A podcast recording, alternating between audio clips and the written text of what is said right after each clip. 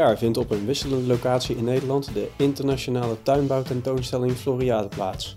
Tot en met 9 oktober 2022 is Almere de gastheer voor deze tentoonstelling, met als centraal thema Growing Green Cities. Wereldwijde innovators laten zien hoe steden duurzamer gemaakt kunnen worden. En VBI is op het terrein van Floriade Expo betrokken geweest bij de bouw van verschillende duurzame en circulaire gebouwen, waaronder Eres Hogeschool en het kunstpaviljoen M. We zijn vandaag met de Duurzaam Gebouwd podcast op het Floriade-terrein, waar VBI alweer het zevende ketenkracht-event organiseert met het thema duurzaamheid. Dit discussieplatform heeft als doel om de samenwerking en efficiëntie in de bouwsector te verbeteren. En het event wordt gehouden in de Eres Hogeschool, een energie-neutraal, klimaatalternatief en circulair gebouw. Eres Hogeschool ontving afgelopen jaar het VBI Green Score certificaat Silver vanwege Design for Flexibility en Design for Recycling. Wij mogen van de Duurzaam Gebouwd podcast de sprekers van dit event ontvangen om door te praten over het onderwerp. We zitten aan tafel met Arjan Stroobos van JVZ Ingenieurs, Lydia Fraaien van Fraai Architecten en Jim Teunissen van Alba Concepts. Ja, voor alle mensen die thuis luisteren, uh, ja, niet iedereen kon vandaag aanwezig zijn bij alweer het zevende Ketenkracht-event. Um, ik ben benieuwd of jullie een korte samenvatting kunnen geven van jullie presentatie. Misschien enkele highlights waar mensen mee naar huis moeten. Mag ik bij jou uh, beginnen, Lydia? Je hebt het over biomimicry uh, gehad, het, het, emuleren van de natuur, leren van de natuur, als ik het goed heb opgevangen. Uh, ja, kun jij een aantal highlights geven? Ja, ik denk dat ik ook wel biomimicry even moet uitleggen. Dus dat uh, biomimicry is leren van de 3,8 miljard jaar research en development kennis van de natuur. We gebruiken de natuur eigenlijk als een grote bibliotheek om ook uh, te verduurzamen. En als de natuur iets uh, ontwikkelt, is het altijd met efficiënt energiegebruik, efficiënt materiaalgebruik, zonder afval, met chemie en water en door zelfassemblage. En ik heb het ook geprobeerd te, te, koppelen aan wat VBI doet. Dus ik heb samen met ehm, Ties, uh, Machteld en Peter hebben we een gesprek gehad om te kijken hoe zij al bezig zijn met duurzaam. Drie collega's hè, voor de duidelijkheid van VBI. Ja. En um, daar heb ik gekeken eigenlijk hoe een factory als een as a forest werkt. Dus hoe, hoe een bedrijf eigenlijk uh, als een ecosysteem werkt en op die manier heel uh, duurzame aspecten al mee kan nemen in een bedrijfsvoering. die heb ik met elkaar vergeleken. en dat was wel interessant, want ze scoren eigenlijk al best goed op 9 punten van de 24. Um, en ik heb nog een aantal inspirerende voorbeelden gegeven over hoe je dat nog meer zou kunnen doen. Ja, even die details met betrekking tot de Life Principles heten ze volgens mij. Hè? Uh, 9 van de 24 uh, zei je al. Ik had de vraag eigenlijk achter de hand, maar ik wilde hem niet stellen om, om anderen de kans te geven. Maar met welke life principles vind je dat, uh, dat of welke wil je, zeg je van, nou, die blijven eigenlijk liggen bij bouw- en vastgoed gerelateerde bedrijven? Dus welke uh, quick wins hebben we misschien daarin. Welke moeten we eigenlijk met z'n allen beter oppakken? Die eigenlijk voor het grijpen liggen. Want ik zag al een aantal onderdelen waarvan ik dacht van nou, ja, daar zou je eigenlijk toch wel iets mee willen, toch? Ja, ik denk uh, lage energieprocessen. Uh, chemie en water is iets wat bijna onmogelijk is, denk ik. Um, maar ook... Om snel um, stappen in te zetten, bedoel je? Ja, ja. Dat, dat, is nog iets wat een beetje te ver van ons bed is. Maar ik denk wel, um, even kijken, informatie en kennis delen en feedback loops. Je hoeft uh, je product, als je iets gemaakt hebt, hoef je het idee niet meteen weg te gooien. Stop het in een bibliotheek, zodat de kennis niet verloren gaat, zeg maar. Dat is, een beetje zoals DNA werkt bijvoorbeeld. Um, zodat misschien iemand anders er iets aan heeft. Dus ga niet, ben niet alleen maar bezig met competitie de hele tijd. Dat kost heel veel energie. Um, maar ook uh, als je iets maakt, probeer dan de, de, de volgende keer dat je uh, ermee bezig bent, net even een stapje nog te verduurzamen, bijvoorbeeld. Dus, uh. ik ga even niet in chronologische volgorde, want de presentaties werden afgetrapt door Arjen. Ik ga even naar, naar Jim toe. Um, als jij iets wil vertellen over. Ja, we hebben ge het gehoord over losmaakbaarheid, onder andere. kun jij iets vertellen over ja, wat, wat jou betreft de belangrijkste elementen waren uit jouw presentatie? Nou, ik denk uh, dat ik wil starten met uh, de introductie die ik gaf. Dus eigenlijk de urgentie waarom losmaakbaarheid misschien wel de trigger is in de circulaire bouweconomie. Um, ik heb iets verteld over nou ja, dat we op dit moment uh, in die huidige bouw- en vastgoedwereld heel erg nog inzetten. Nou, toch wel veel op virgin grondstoffen in de producten die we toepassen. Hè. Dus, primaire grondstoffen. Ja, primaire ja. nieuwe grondstoffen in die producten. terwijl we veel meer willen bijvoorbeeld naar hergebruik. En, en hergebruik is natuurlijk één op één in mijn optiek gekoppeld aan losmaakbaarheid of noem het demontabiliteit of geef het een naam. Je gaf het al aan, hè? 2030 uh, doelstelling 50% minder uh, primaire grondstoffen. Dat is gewoon een harde, de, harde deadline, hè? Ja, nou, het is, het is, uh, het is een, een, soort van beleid op dit moment, wat nog niet in regelgeving natuurlijk is vertaald. De verwachting is dat dat wel gaat gebeuren. Ja, natuurlijk wel, ja. en, dan, en dan gaat dit natuurlijk heel hard lopen, want, want dan moet je bij elke keuze die je maakt als vastgoedeigenaar nadenken over welke type grondstoffen zitten in de producten die ik toepas. Nou, dat is best wel complex. Maar even terug naar die, naar, die losmaakbaarheid. We hebben natuurlijk een meetmethodiek ontwikkeld een aantal jaar geleden samen met, uh, met WE-adviseurs en met de Dutch Green Building Council. In opdracht van de Rijksdienst voor Ondernemen Nederland, de RVO. En ja, met die, met die, met die meetmethodiek kun je gewoon enerzijds ja, uitzoeken, vaststellen hoe je ontwerper voorstaat op het thema losmaakbaarheid enerzijds, maar anderzijds kun je ook sturen. En dat is eigenlijk het veel leukere, naar een hogere mate van losmaakbaarheid. En ja, waarom ik het relevant vind, is omdat het ook iets zegt over de financiële restwaarde van de producten en materialen die je uit gebouwen haalt. Het zegt iets over adaptiviteit. Het zegt iets over, uh, nou ja, hoe ga ik misschien wel als toeleverend bedrijf een ander circulair verdienmodel introduceren. Dus die, informatie trouwens, hè, dus um, ik ga ervan uit dat iedere leverancier dus ook uh, informatie moet aanleveren. Of, of hebben we die beschikbaar? Of zit daar juist de uitdaging van, hè, iedere leverancier moet het aanleveren, maar wil het misschien niet of doet het nog niet? Of Zit daar een uitdaging? Nou wij hebben uh, zelf hebben wij een database opgezet uh, voor uh, bijna 4.500 producten, wat de losmaakbaarheidsindicatoren zijn. Kan je zeggen, mijn drie collega's die drie zomers geleden dat hebben ingeklopt in vijf weken, die gaan het niet nog een keer doen. Dus dat is best Stomen wel... kwam uit de oren ja, dat was, dat, was vrij, dat was vrij pittig. Um, maar uh, um, die data wordt natuurlijk structureel up-to-date gehouden. En, en rondom losmaakbaarheid en, en, de, en bijvoorbeeld dus de type verbinding, die, ja, die kun je niet als een soort van standaardwaarde koppelen aan een product. Want je kunt de binnenwand natuurlijk op verschillende manieren verbinden aan de onderconstructie. Dus je gaat uit van de meest aannemelijke verbinding. Nou ja, dat kan bij een metalstutprofiel zijn dat die geschroefd is op de grond ik noem maar wat.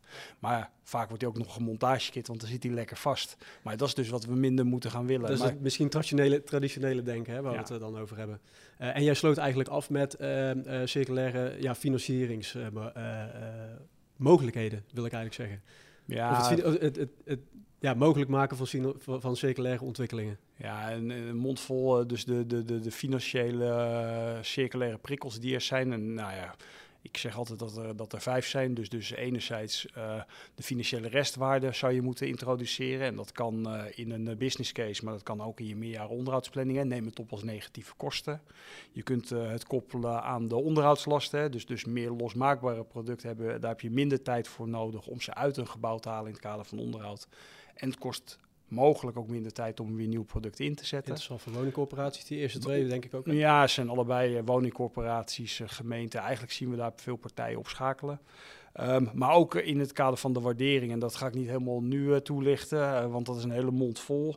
Maar, maar, uiteraard, wanneer je op een andere manier gaat afschrijven, over een langere termijn en niet tot nul, maar bijvoorbeeld tot 20% van de initiële investering, ja, dan kun je vandaag de dag meer gaan investeren, omdat je ja, op een andere manier gaat afschrijven. Ja, dat, dat is denk ik heel erg interessant om mee te nemen in dat circulair denken. Niet alleen richten op investeringskosten, exploitatiekosten, totalkosten ownership, maar ook hoe ga je het waarderen uh, in de boeken. Ja, eh, ik denk een heel mooie vraag. Ik zag ook meteen mensen die gewoon ja, uit de startblokken wilden komen en, en uh, ook eigen projecten ook wilden laten waarderen. Um, dus dat vond ik heel inspirerend om te merken. En overigens, um, er wordt, we publiceren ook een verslag, dus je kunt ook alles rustig nalezen in detail over de presentaties. En dan gaan we even over naar, naar Arjen. Um, ja, jij mocht uh, aftrappen en uh, dit is natuurlijk ook een beetje jullie paradepaardje, de Ergens Hogeschool. Daar zijn jullie zelf in uh, betrokken geweest. Dan geef ik het al een klein beetje weg, maar het was een onderdeel van jouw presentatie. Klopt, klopt. Maar waar heb jij het over gehad? Nou ja, allereerst natuurlijk als constructeur betrokken bij dit, bij dit project. vervult mij al natuurlijk van trots dat ik bij zo'n technisch hoogstandje betrokken ben. Um, heb wel uh, zitten worstelen met, met zeg maar, duurzaamheidsambities, met uh, circulariteitsambities, adaptiviteitsambities. Om te kijken van ja, wat, wat kan ik daar in mijn vakgebied nou aan bijdragen? Wat, uh, wat ligt daarvan vast in het programma van eisen? Wat ligt daarvan vast in wetgeving, bouwbesluit? ja, ik, ik, ik, had eigenlijk wel een beetje teleurstellende conclusie.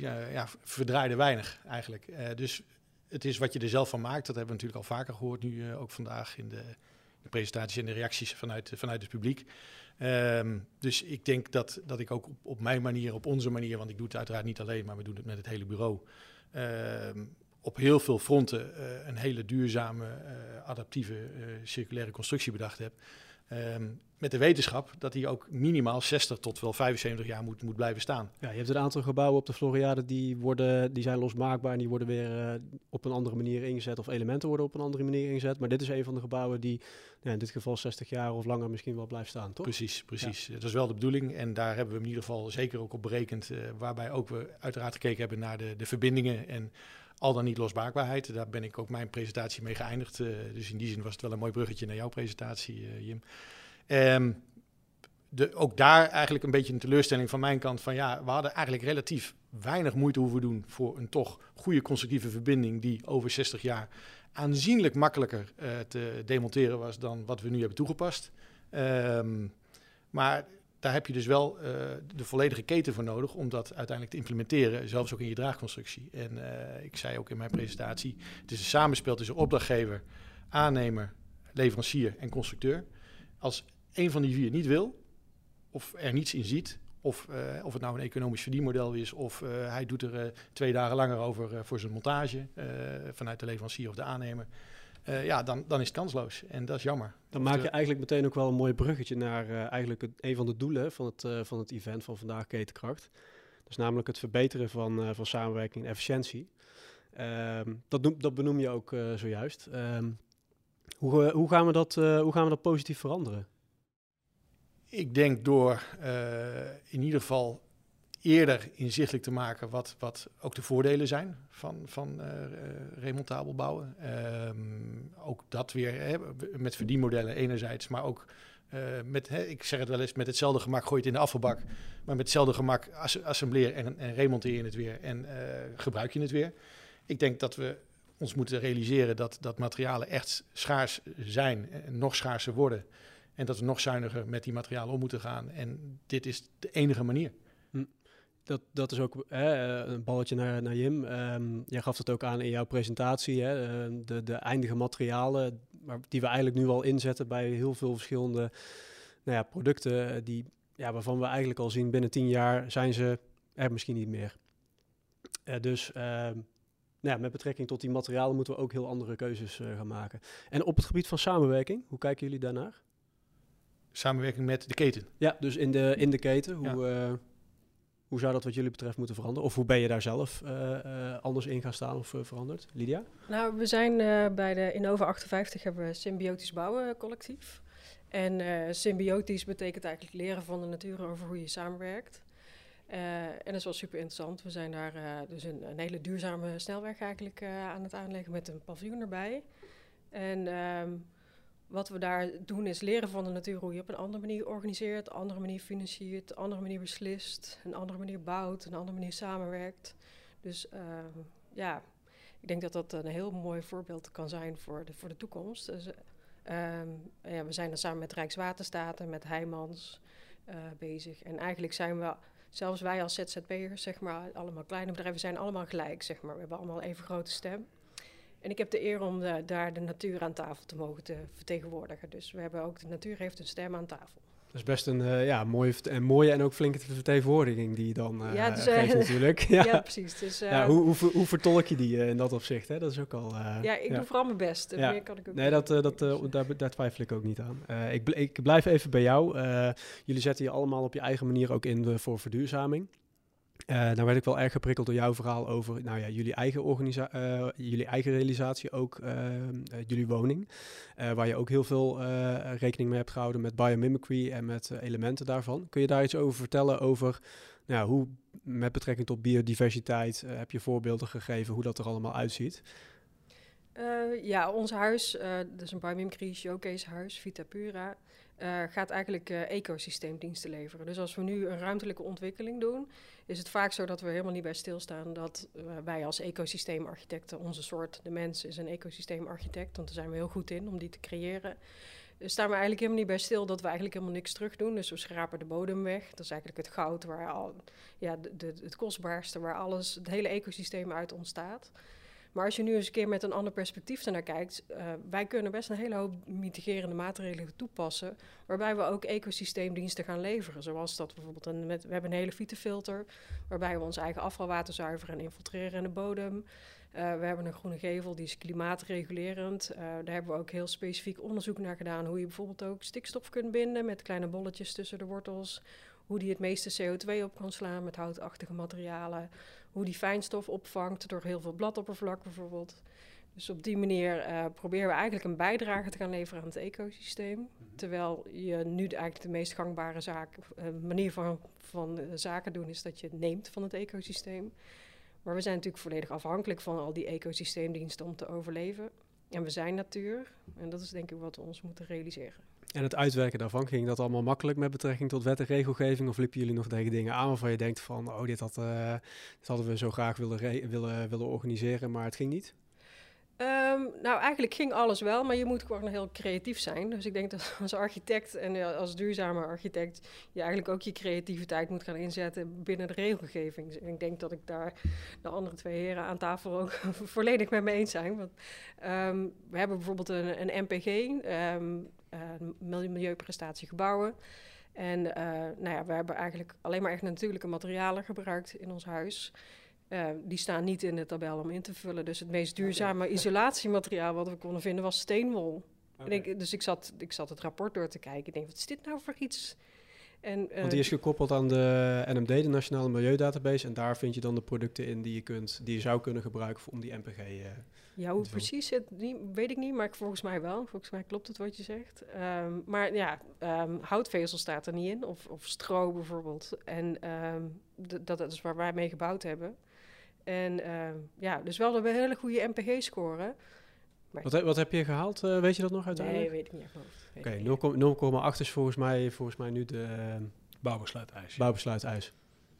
Okay. Volgens um, mij hadden we 0,3 of zo. Kijk, kijk, want daar zat ik al een beetje op te hopen dat dat. Uh, maar, goed. maar eigenlijk denk ik dat dat niet uh, representatief is. Want ik denk dat het eigenlijk meer is. Ja, het is veel meer. Oké. Okay, ja. Um, ja, dat hoorden we ook al wel een beetje terug bij de, bij de losmaakbaarheidsindex, uh, wellicht. Um, Misschien daarop aanhakend, Marvin ik vind uh, op zich, uh, denk ik dat binnen de bouwketen het best wel uh, goed georganiseerd is. Er best veel wordt samengewerkt. Er komen hele gaaf producten op de markt. Ook de verschillende partijen die het samen doen.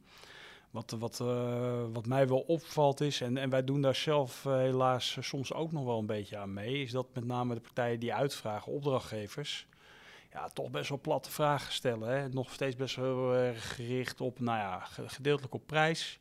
En bij gronduitgiftes op grondprijsmaximalisatie.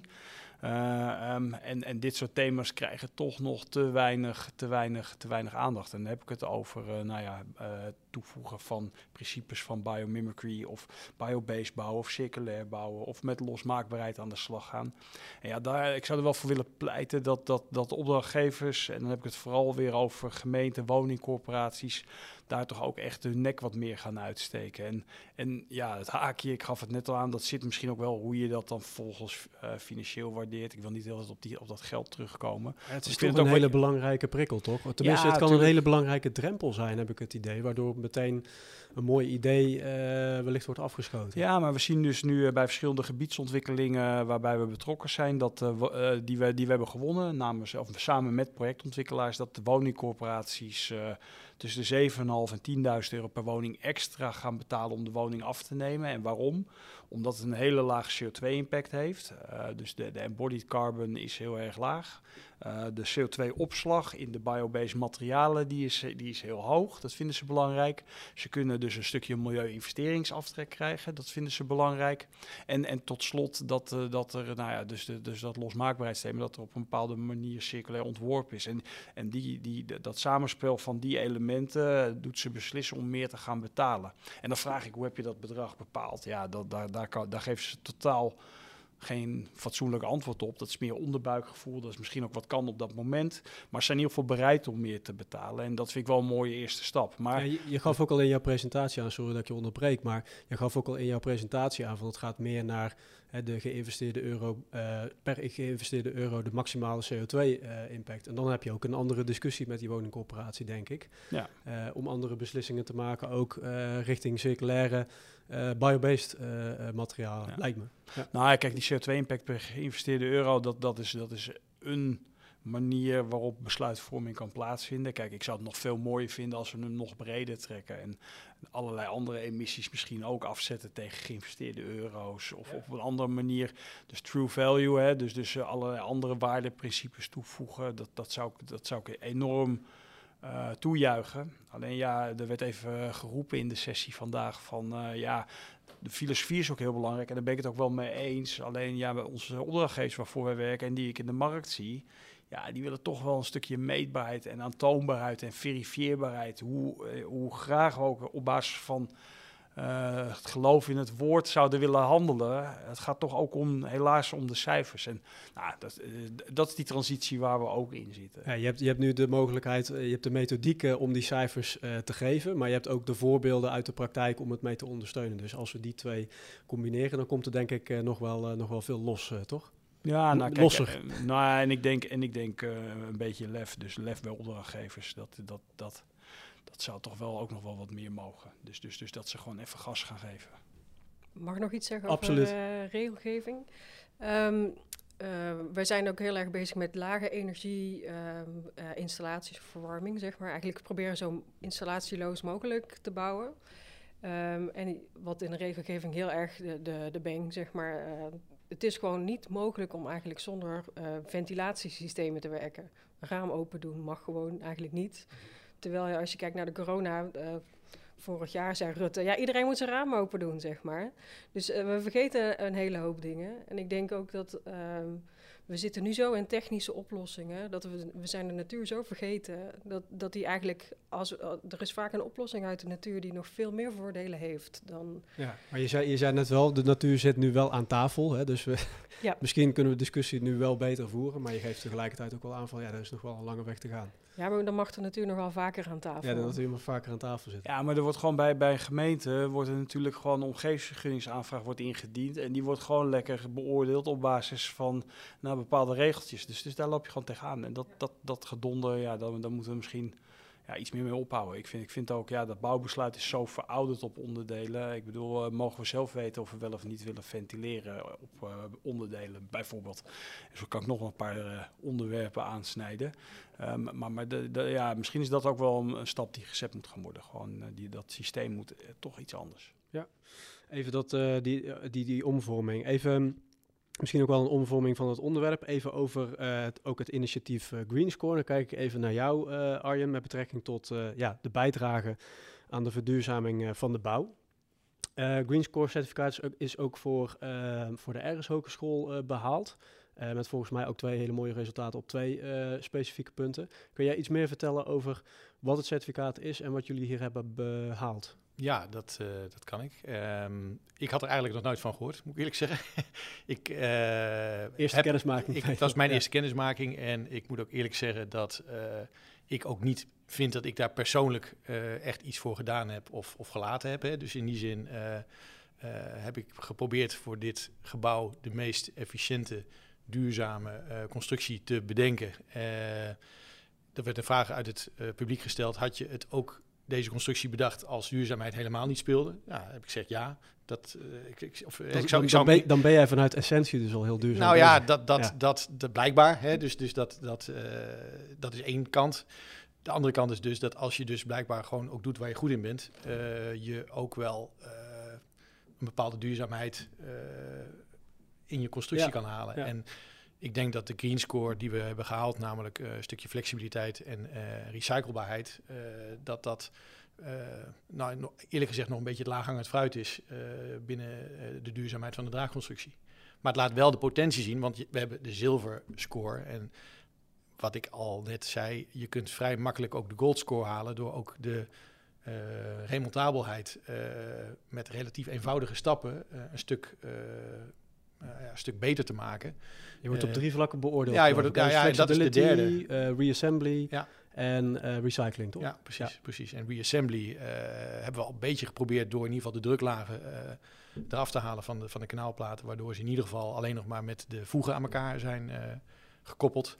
Um, dan blijft het probleem nog hoe, hoe goed of minder goed maak je ze vast aan de staalconstructie. En ik heb de laatste eh, slide van mijn, van mijn presentatie was eigenlijk heel simpel voorbeeld hoe je dat zou kunnen doen. Uh, door bij wijze van spreken met een, met een boutverbinding een koppeling te maken. Een beetje wat jij ook liet zien van de tijdelijke rechtbank in, in Amsterdam. Ja, zoiets had hier ook gekund. Alleen de aannemer zag het gewoon niet zitten. Want hij zegt, kost me geld, vind ik ingewikkeld. hoe zit het met, met, met de, de, de de, de, levensduur van, van, die, van die plaat. Hè, wat, wat heb je er dan nog aan? Dus hij geloofde er niet in.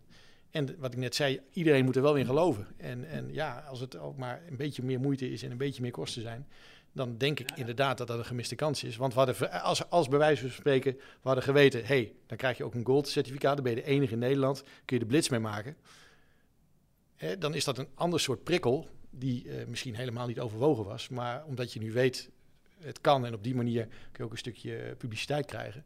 Uh, kan dus een Green Score certificaat wel degelijk uh, helpen om uh, in ieder geval het gebruik van kanaalplaten in gebouwen nog duurzamer te krijgen ja. en circulairder. Hebben jullie ook gekeken naar de houtconstructie voor dit gebouw?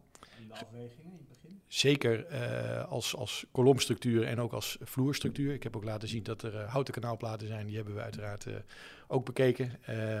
Hout zou wel dusdanig diep worden, ook in de gevel, want sommige gevels zijn twee verdiepingen hoog eh, en zijn dus vrij slank.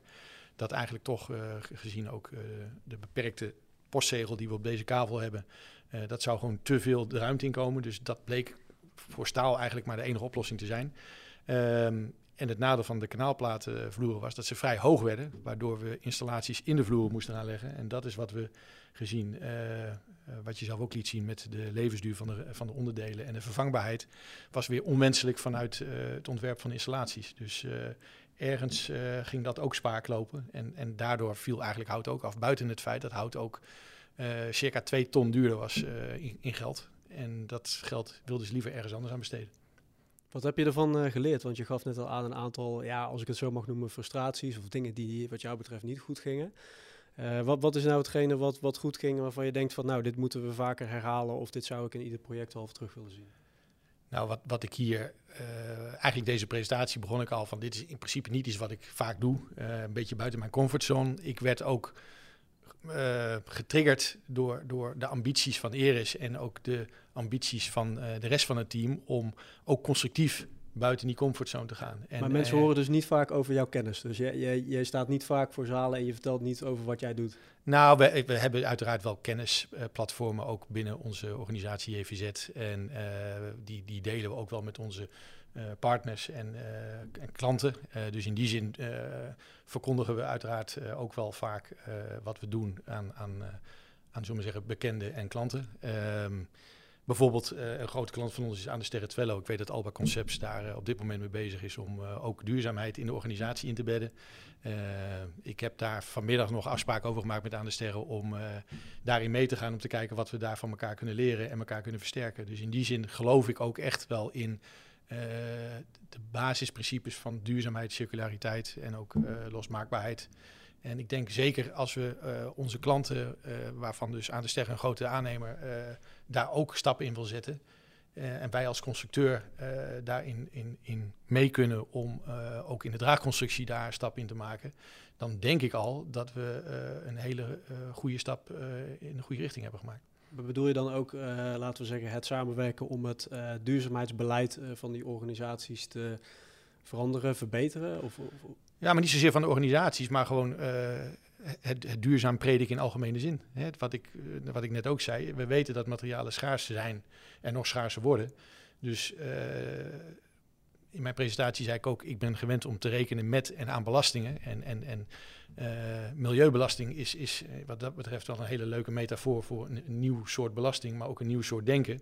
En daar, daar, moeten we echt naartoe om ook met dat nieuwe soort belasting, dat moeten we ook een plek geven. Ook in regelgeving, ook in wetgeving, ook in normen. En als daar uh, maar goed genoeg uh, over na wordt gedacht aan de voorkant, hoeft een wetgeving ook niet per se remmen te werken. Dat kan ook stimulerend werken. En dan denk ik, hebben we duurzaamheid op heel veel fronten hoog in het vaandel. Ik ga ondertussen, je noemt al een klein beetje uh, de, terug naar mijn laatste vraag, namelijk met welke uitdaging hoop je dat de deelnemers vandaag naar huis gaan?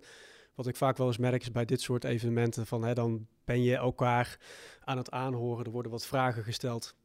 Maar wat ga je nou vervolgens morgen anders doen? Hè, dus dat, uh, dat is, het resultaat uh, van de dag is nog wel eens, uh, ja, staat nog wel eens in vragen. Um, waar hoop je dat, dat mensen anders over gaan nadenken? En ik denk dat als ik naar jou kijk even, Lydia, dat de mensen vandaag een, misschien ook wel een nieuw verhaal hebben gehoord, misschien ook wel spannend. Hè, van hoe, gaat, hoe kan mijn organisatie daarmee aan de slag gaan of wat moet ik nou anders gaan doen in mijn projecten. Dus hoe hoop je dat ze de eerste stap gaan zetten? Um, ik denk de eerste stap zetten is uh, realiseren dat je zelf natuur bent. Um, en dat uh, de natuur een hele hoop uh, duurzame oplossing is. Dat het een hele mooie bibliotheek is. Dat is dat je daar vaker naar kijkt. En dat je er misschien al doet met een wandelingetje buiten. En gewoon eens een keertje stilstaat bij een boom of een plantje. En er is iets meer naar kijkt dan zomaar er voorbij loopt. Mooi. Jim, ga over naar, eh, naar jou. Ja, uh, de uitdaging waarmee ze naar huis gaan is natuurlijk ja, uiteindelijk uh, niet alleen de denken in technische oplossingen, waar, waar natuurlijk mijn verhaal met name over ging, maar ik denk die, dat die bredere context. Ik vind eigenlijk wel mooi wat, je, wat, wat Lydia net zegt. Maar, maar dus, dus, dus ook de, nou, de, de, de, de gevolgen voor, voor de natuur, maar, maar ook de gevolgen voor de eigen portemonnee, de gevolgen voor nou ja, alles wat, wat, wat in de samenleving speelt, dat ook meewegend. En ik vind op zich, uh, dat is een beetje onderbelicht gebleven, de, ja, de sociale kant van, van, van, van, van circulariteit. Ja, ik denk door op andere manieren te gaan ontwerpen, op een andere manier met materialisaties dus om te gaan, op een andere manier eh, te detailleren, meer te prefabriceren misschien ook wel. Ja, creëer je ook weer een hele andere type van werk voor een hele andere type doelgroep. En ja, dat vind ik op zich ook wel interessant. Mijn zoontje, eh, of eigenlijk allebei, uh, zitten in het uh, autisme spectrum syndroom. En af en toe maak ik me, nou, ik maak me af en toe wel zorgen van, ja, wat gaan ze nou doen? Nou, als ik dan zie wat je allemaal kunt doen, nou, dan hebben ze zat uitdagingen voor de toekomst. En dan kunnen ze, denk ik, al dan niet met hun handen, net zoals opa, wat hij in het verhaal vertelde. Mijn vader is timmerman, kunnen ze mooi aan de bak. En uh, dat, dat, uh, ja, dat, dat soort aspecten die zijn natuurlijk nog volledig onderbelicht in, in onze hele sector. Behalve het, kwam, dat het, kwam, het kwam vandaag bijvoorbeeld geen enkele keer uh, langs, terwijl het wel ja, principie, principieel ding is in wat we, alles wat we doen natuurlijk, intrinsieke ja, motivatie. Dit, dit slaan we ook wel plat in een getalletje natuurlijk, ja, dus daar zijn we goed in. Hè? Dus, dus SROI kun je ook uitdrukken in een getal, hè? social return on investment, ja, dat nemen we ook mee in aanbestedingen. Maar in essentie gaat het natuurlijk om andere dingen. Van, dan ga je het precies op die vijf zetten, weet je, dan als je er dan vijf binnen hebt, nou, dan is de missie volbracht, uh, bij wijze van. Moet je bij zoons allebei inhuren? Nee, gaatje. nee, maar dat is, wel een, uh, dat is wel een interessante. Dus denk ook na over de sociale component en uh, ga je daar ook voor inzetten. Arjen? Nou, wat ik hoop dat de mensen een beetje me meegekregen die hebben geluisterd, is dat er op het gebied van draagconstructies in ieder geval al heel veel laaghangend fruit is. Dat er eigenlijk al uh, met, met relatief eenvoudige, uh, uh, maar wel consequente doelstellingen en, en, en gewoon keen construeren, kun je eigenlijk dus al zelfs, zelfs met kanaalplaten al een, een behoorlijk hè, duurzaam gebouw krijgen. Ehm, ik bedoel, jouw vraag snap ik wel van waarom geen, geen natuurgebonden materiaal gebruiken. Dat is natuurlijk hout ideaal. Uh, past er niet zo goed binnen de handvoorwaarden. Uh, ik heb dat mezelf ook altijd. In eerste instantie trok ik me dat aan. Van waarom krijg ik hier nou geen houtconstructie in? Ja, de, de, uh, dus ik, ik, voelde me echt ook wel getriggerd en ergens ook wel een beetje gefrustreerd van hey, ja, het zou het eigenlijk wel heel gaaf zijn als hier een houtconstructie in zit. Andersom geredeneerd, als je kijkt wat zit er nou in een kanaalplaat, nou heel veel zand, heel veel grind, heel veel voorradig. het is alleen dat vervelende cement wat het uh, natuurlijk iets minder interessant maakt uh, in, de, in de score uh, voor, de, voor de MKI. En, en, en daardoor vind ik het ook een goede zaak. Dat hoorde ik net ook, dat er nu naar andere cementen worden gekeken. Bijvoorbeeld geopolymeren. die in ieder geval een stuk meer op de natuur gebaseerd zijn. Hè. Dus ook daar weer back to nature. Waarom zullen we niet, net als hout, proberen om kanaalplaten gewoon alleen maar van natuurlijke producten te maken die ook natuurlijk afbreekbaar zijn. Hm. Ja, dat is natuurlijk het nadeel van het cement, want dat maakt, gaat natuurlijk een, een reactie aan, een chemische reactie die onomkeerbaar is. Ja, de eerste voorbeelden van geopolymeerprojecten zijn er ook. Eh, ik moet zeggen, ze rollen nog niet van de band in dat opzicht, maar ze zijn er wel. Ja, ze zijn er, ze Ja. zijn er. En eh, eh, toevallig is er een, in, in- in Deventer een, een gebouw gemaakt waar geopolymeren ook zijn toegepast. Evenals een gebouw volledig in staal, wat met eh, biobased coating eh, is eh, voorzien in plaats van een, een milieubelastende verflaag. Of volgens mij ook met Alba Concept. Eh, dus er zijn wel degelijk goede voorbeelden van succesvolle projecten. En, en, en ergens vind ik dat dus ook voor de, voor de Eres Hogeschool. Niet alleen omdat het een, een letterlijke groen gebouw is, want mijn presentatie heette Groen Gebouw, Grijs Gebied. Ehm, ja, op gebied van regelgeving vind ik het inderdaad een grijs gebied. Dat zou beter kunnen. Maar eh, dat we ook met grijze materie toch een groen gebouw kunnen maken, vind ik wel hoopgevend. Eh, maar het kan uiteraard nog veel groener. Ik vind het ook wel mooi dat je, wat je zegt met betrekking tot die kennisdeling, eh, die we vandaag ook terugzien. Dat we gewoon ook opener naar elkaar moeten zijn en met elkaar ook meer dingen moeten bespreken. Eh, zoals ook nu, ik wil jullie ontzettend bedanken voor jullie tijd. eh, na de presentatie zelfs, eh, zelfs nog. Ehm, Lydia, Jim en Arjen, dank jullie wel voor jullie tijd. En het verslag vind je later op duurzaamgebouwd.nl en daar lees je ook alle details over hun presentaties. Dankjewel voor het luisteren voor nu en graag tot de volgende keer. Het zit er weer op. We zijn aan het einde gekomen van de Duurzaam Gebouwd podcast. Maar we hebben er nog veel meer. Ga even naar onze Spotify, Soundcloud eh, of onze Apple Podcast pagina. Zoek even op Duurzaam Gebouwd podcast en je krijgt een schat aan informatie. Abonneer je ook eventjes eh, op eh, deze genoemde diensten. En je kunt ons ook een berichtje sturen op LinkedIn Duurzaam Gebouwd en op Twitter Duurzaam Gebouwd. Graag tot de volgende keer. Dankjewel voor het luisteren.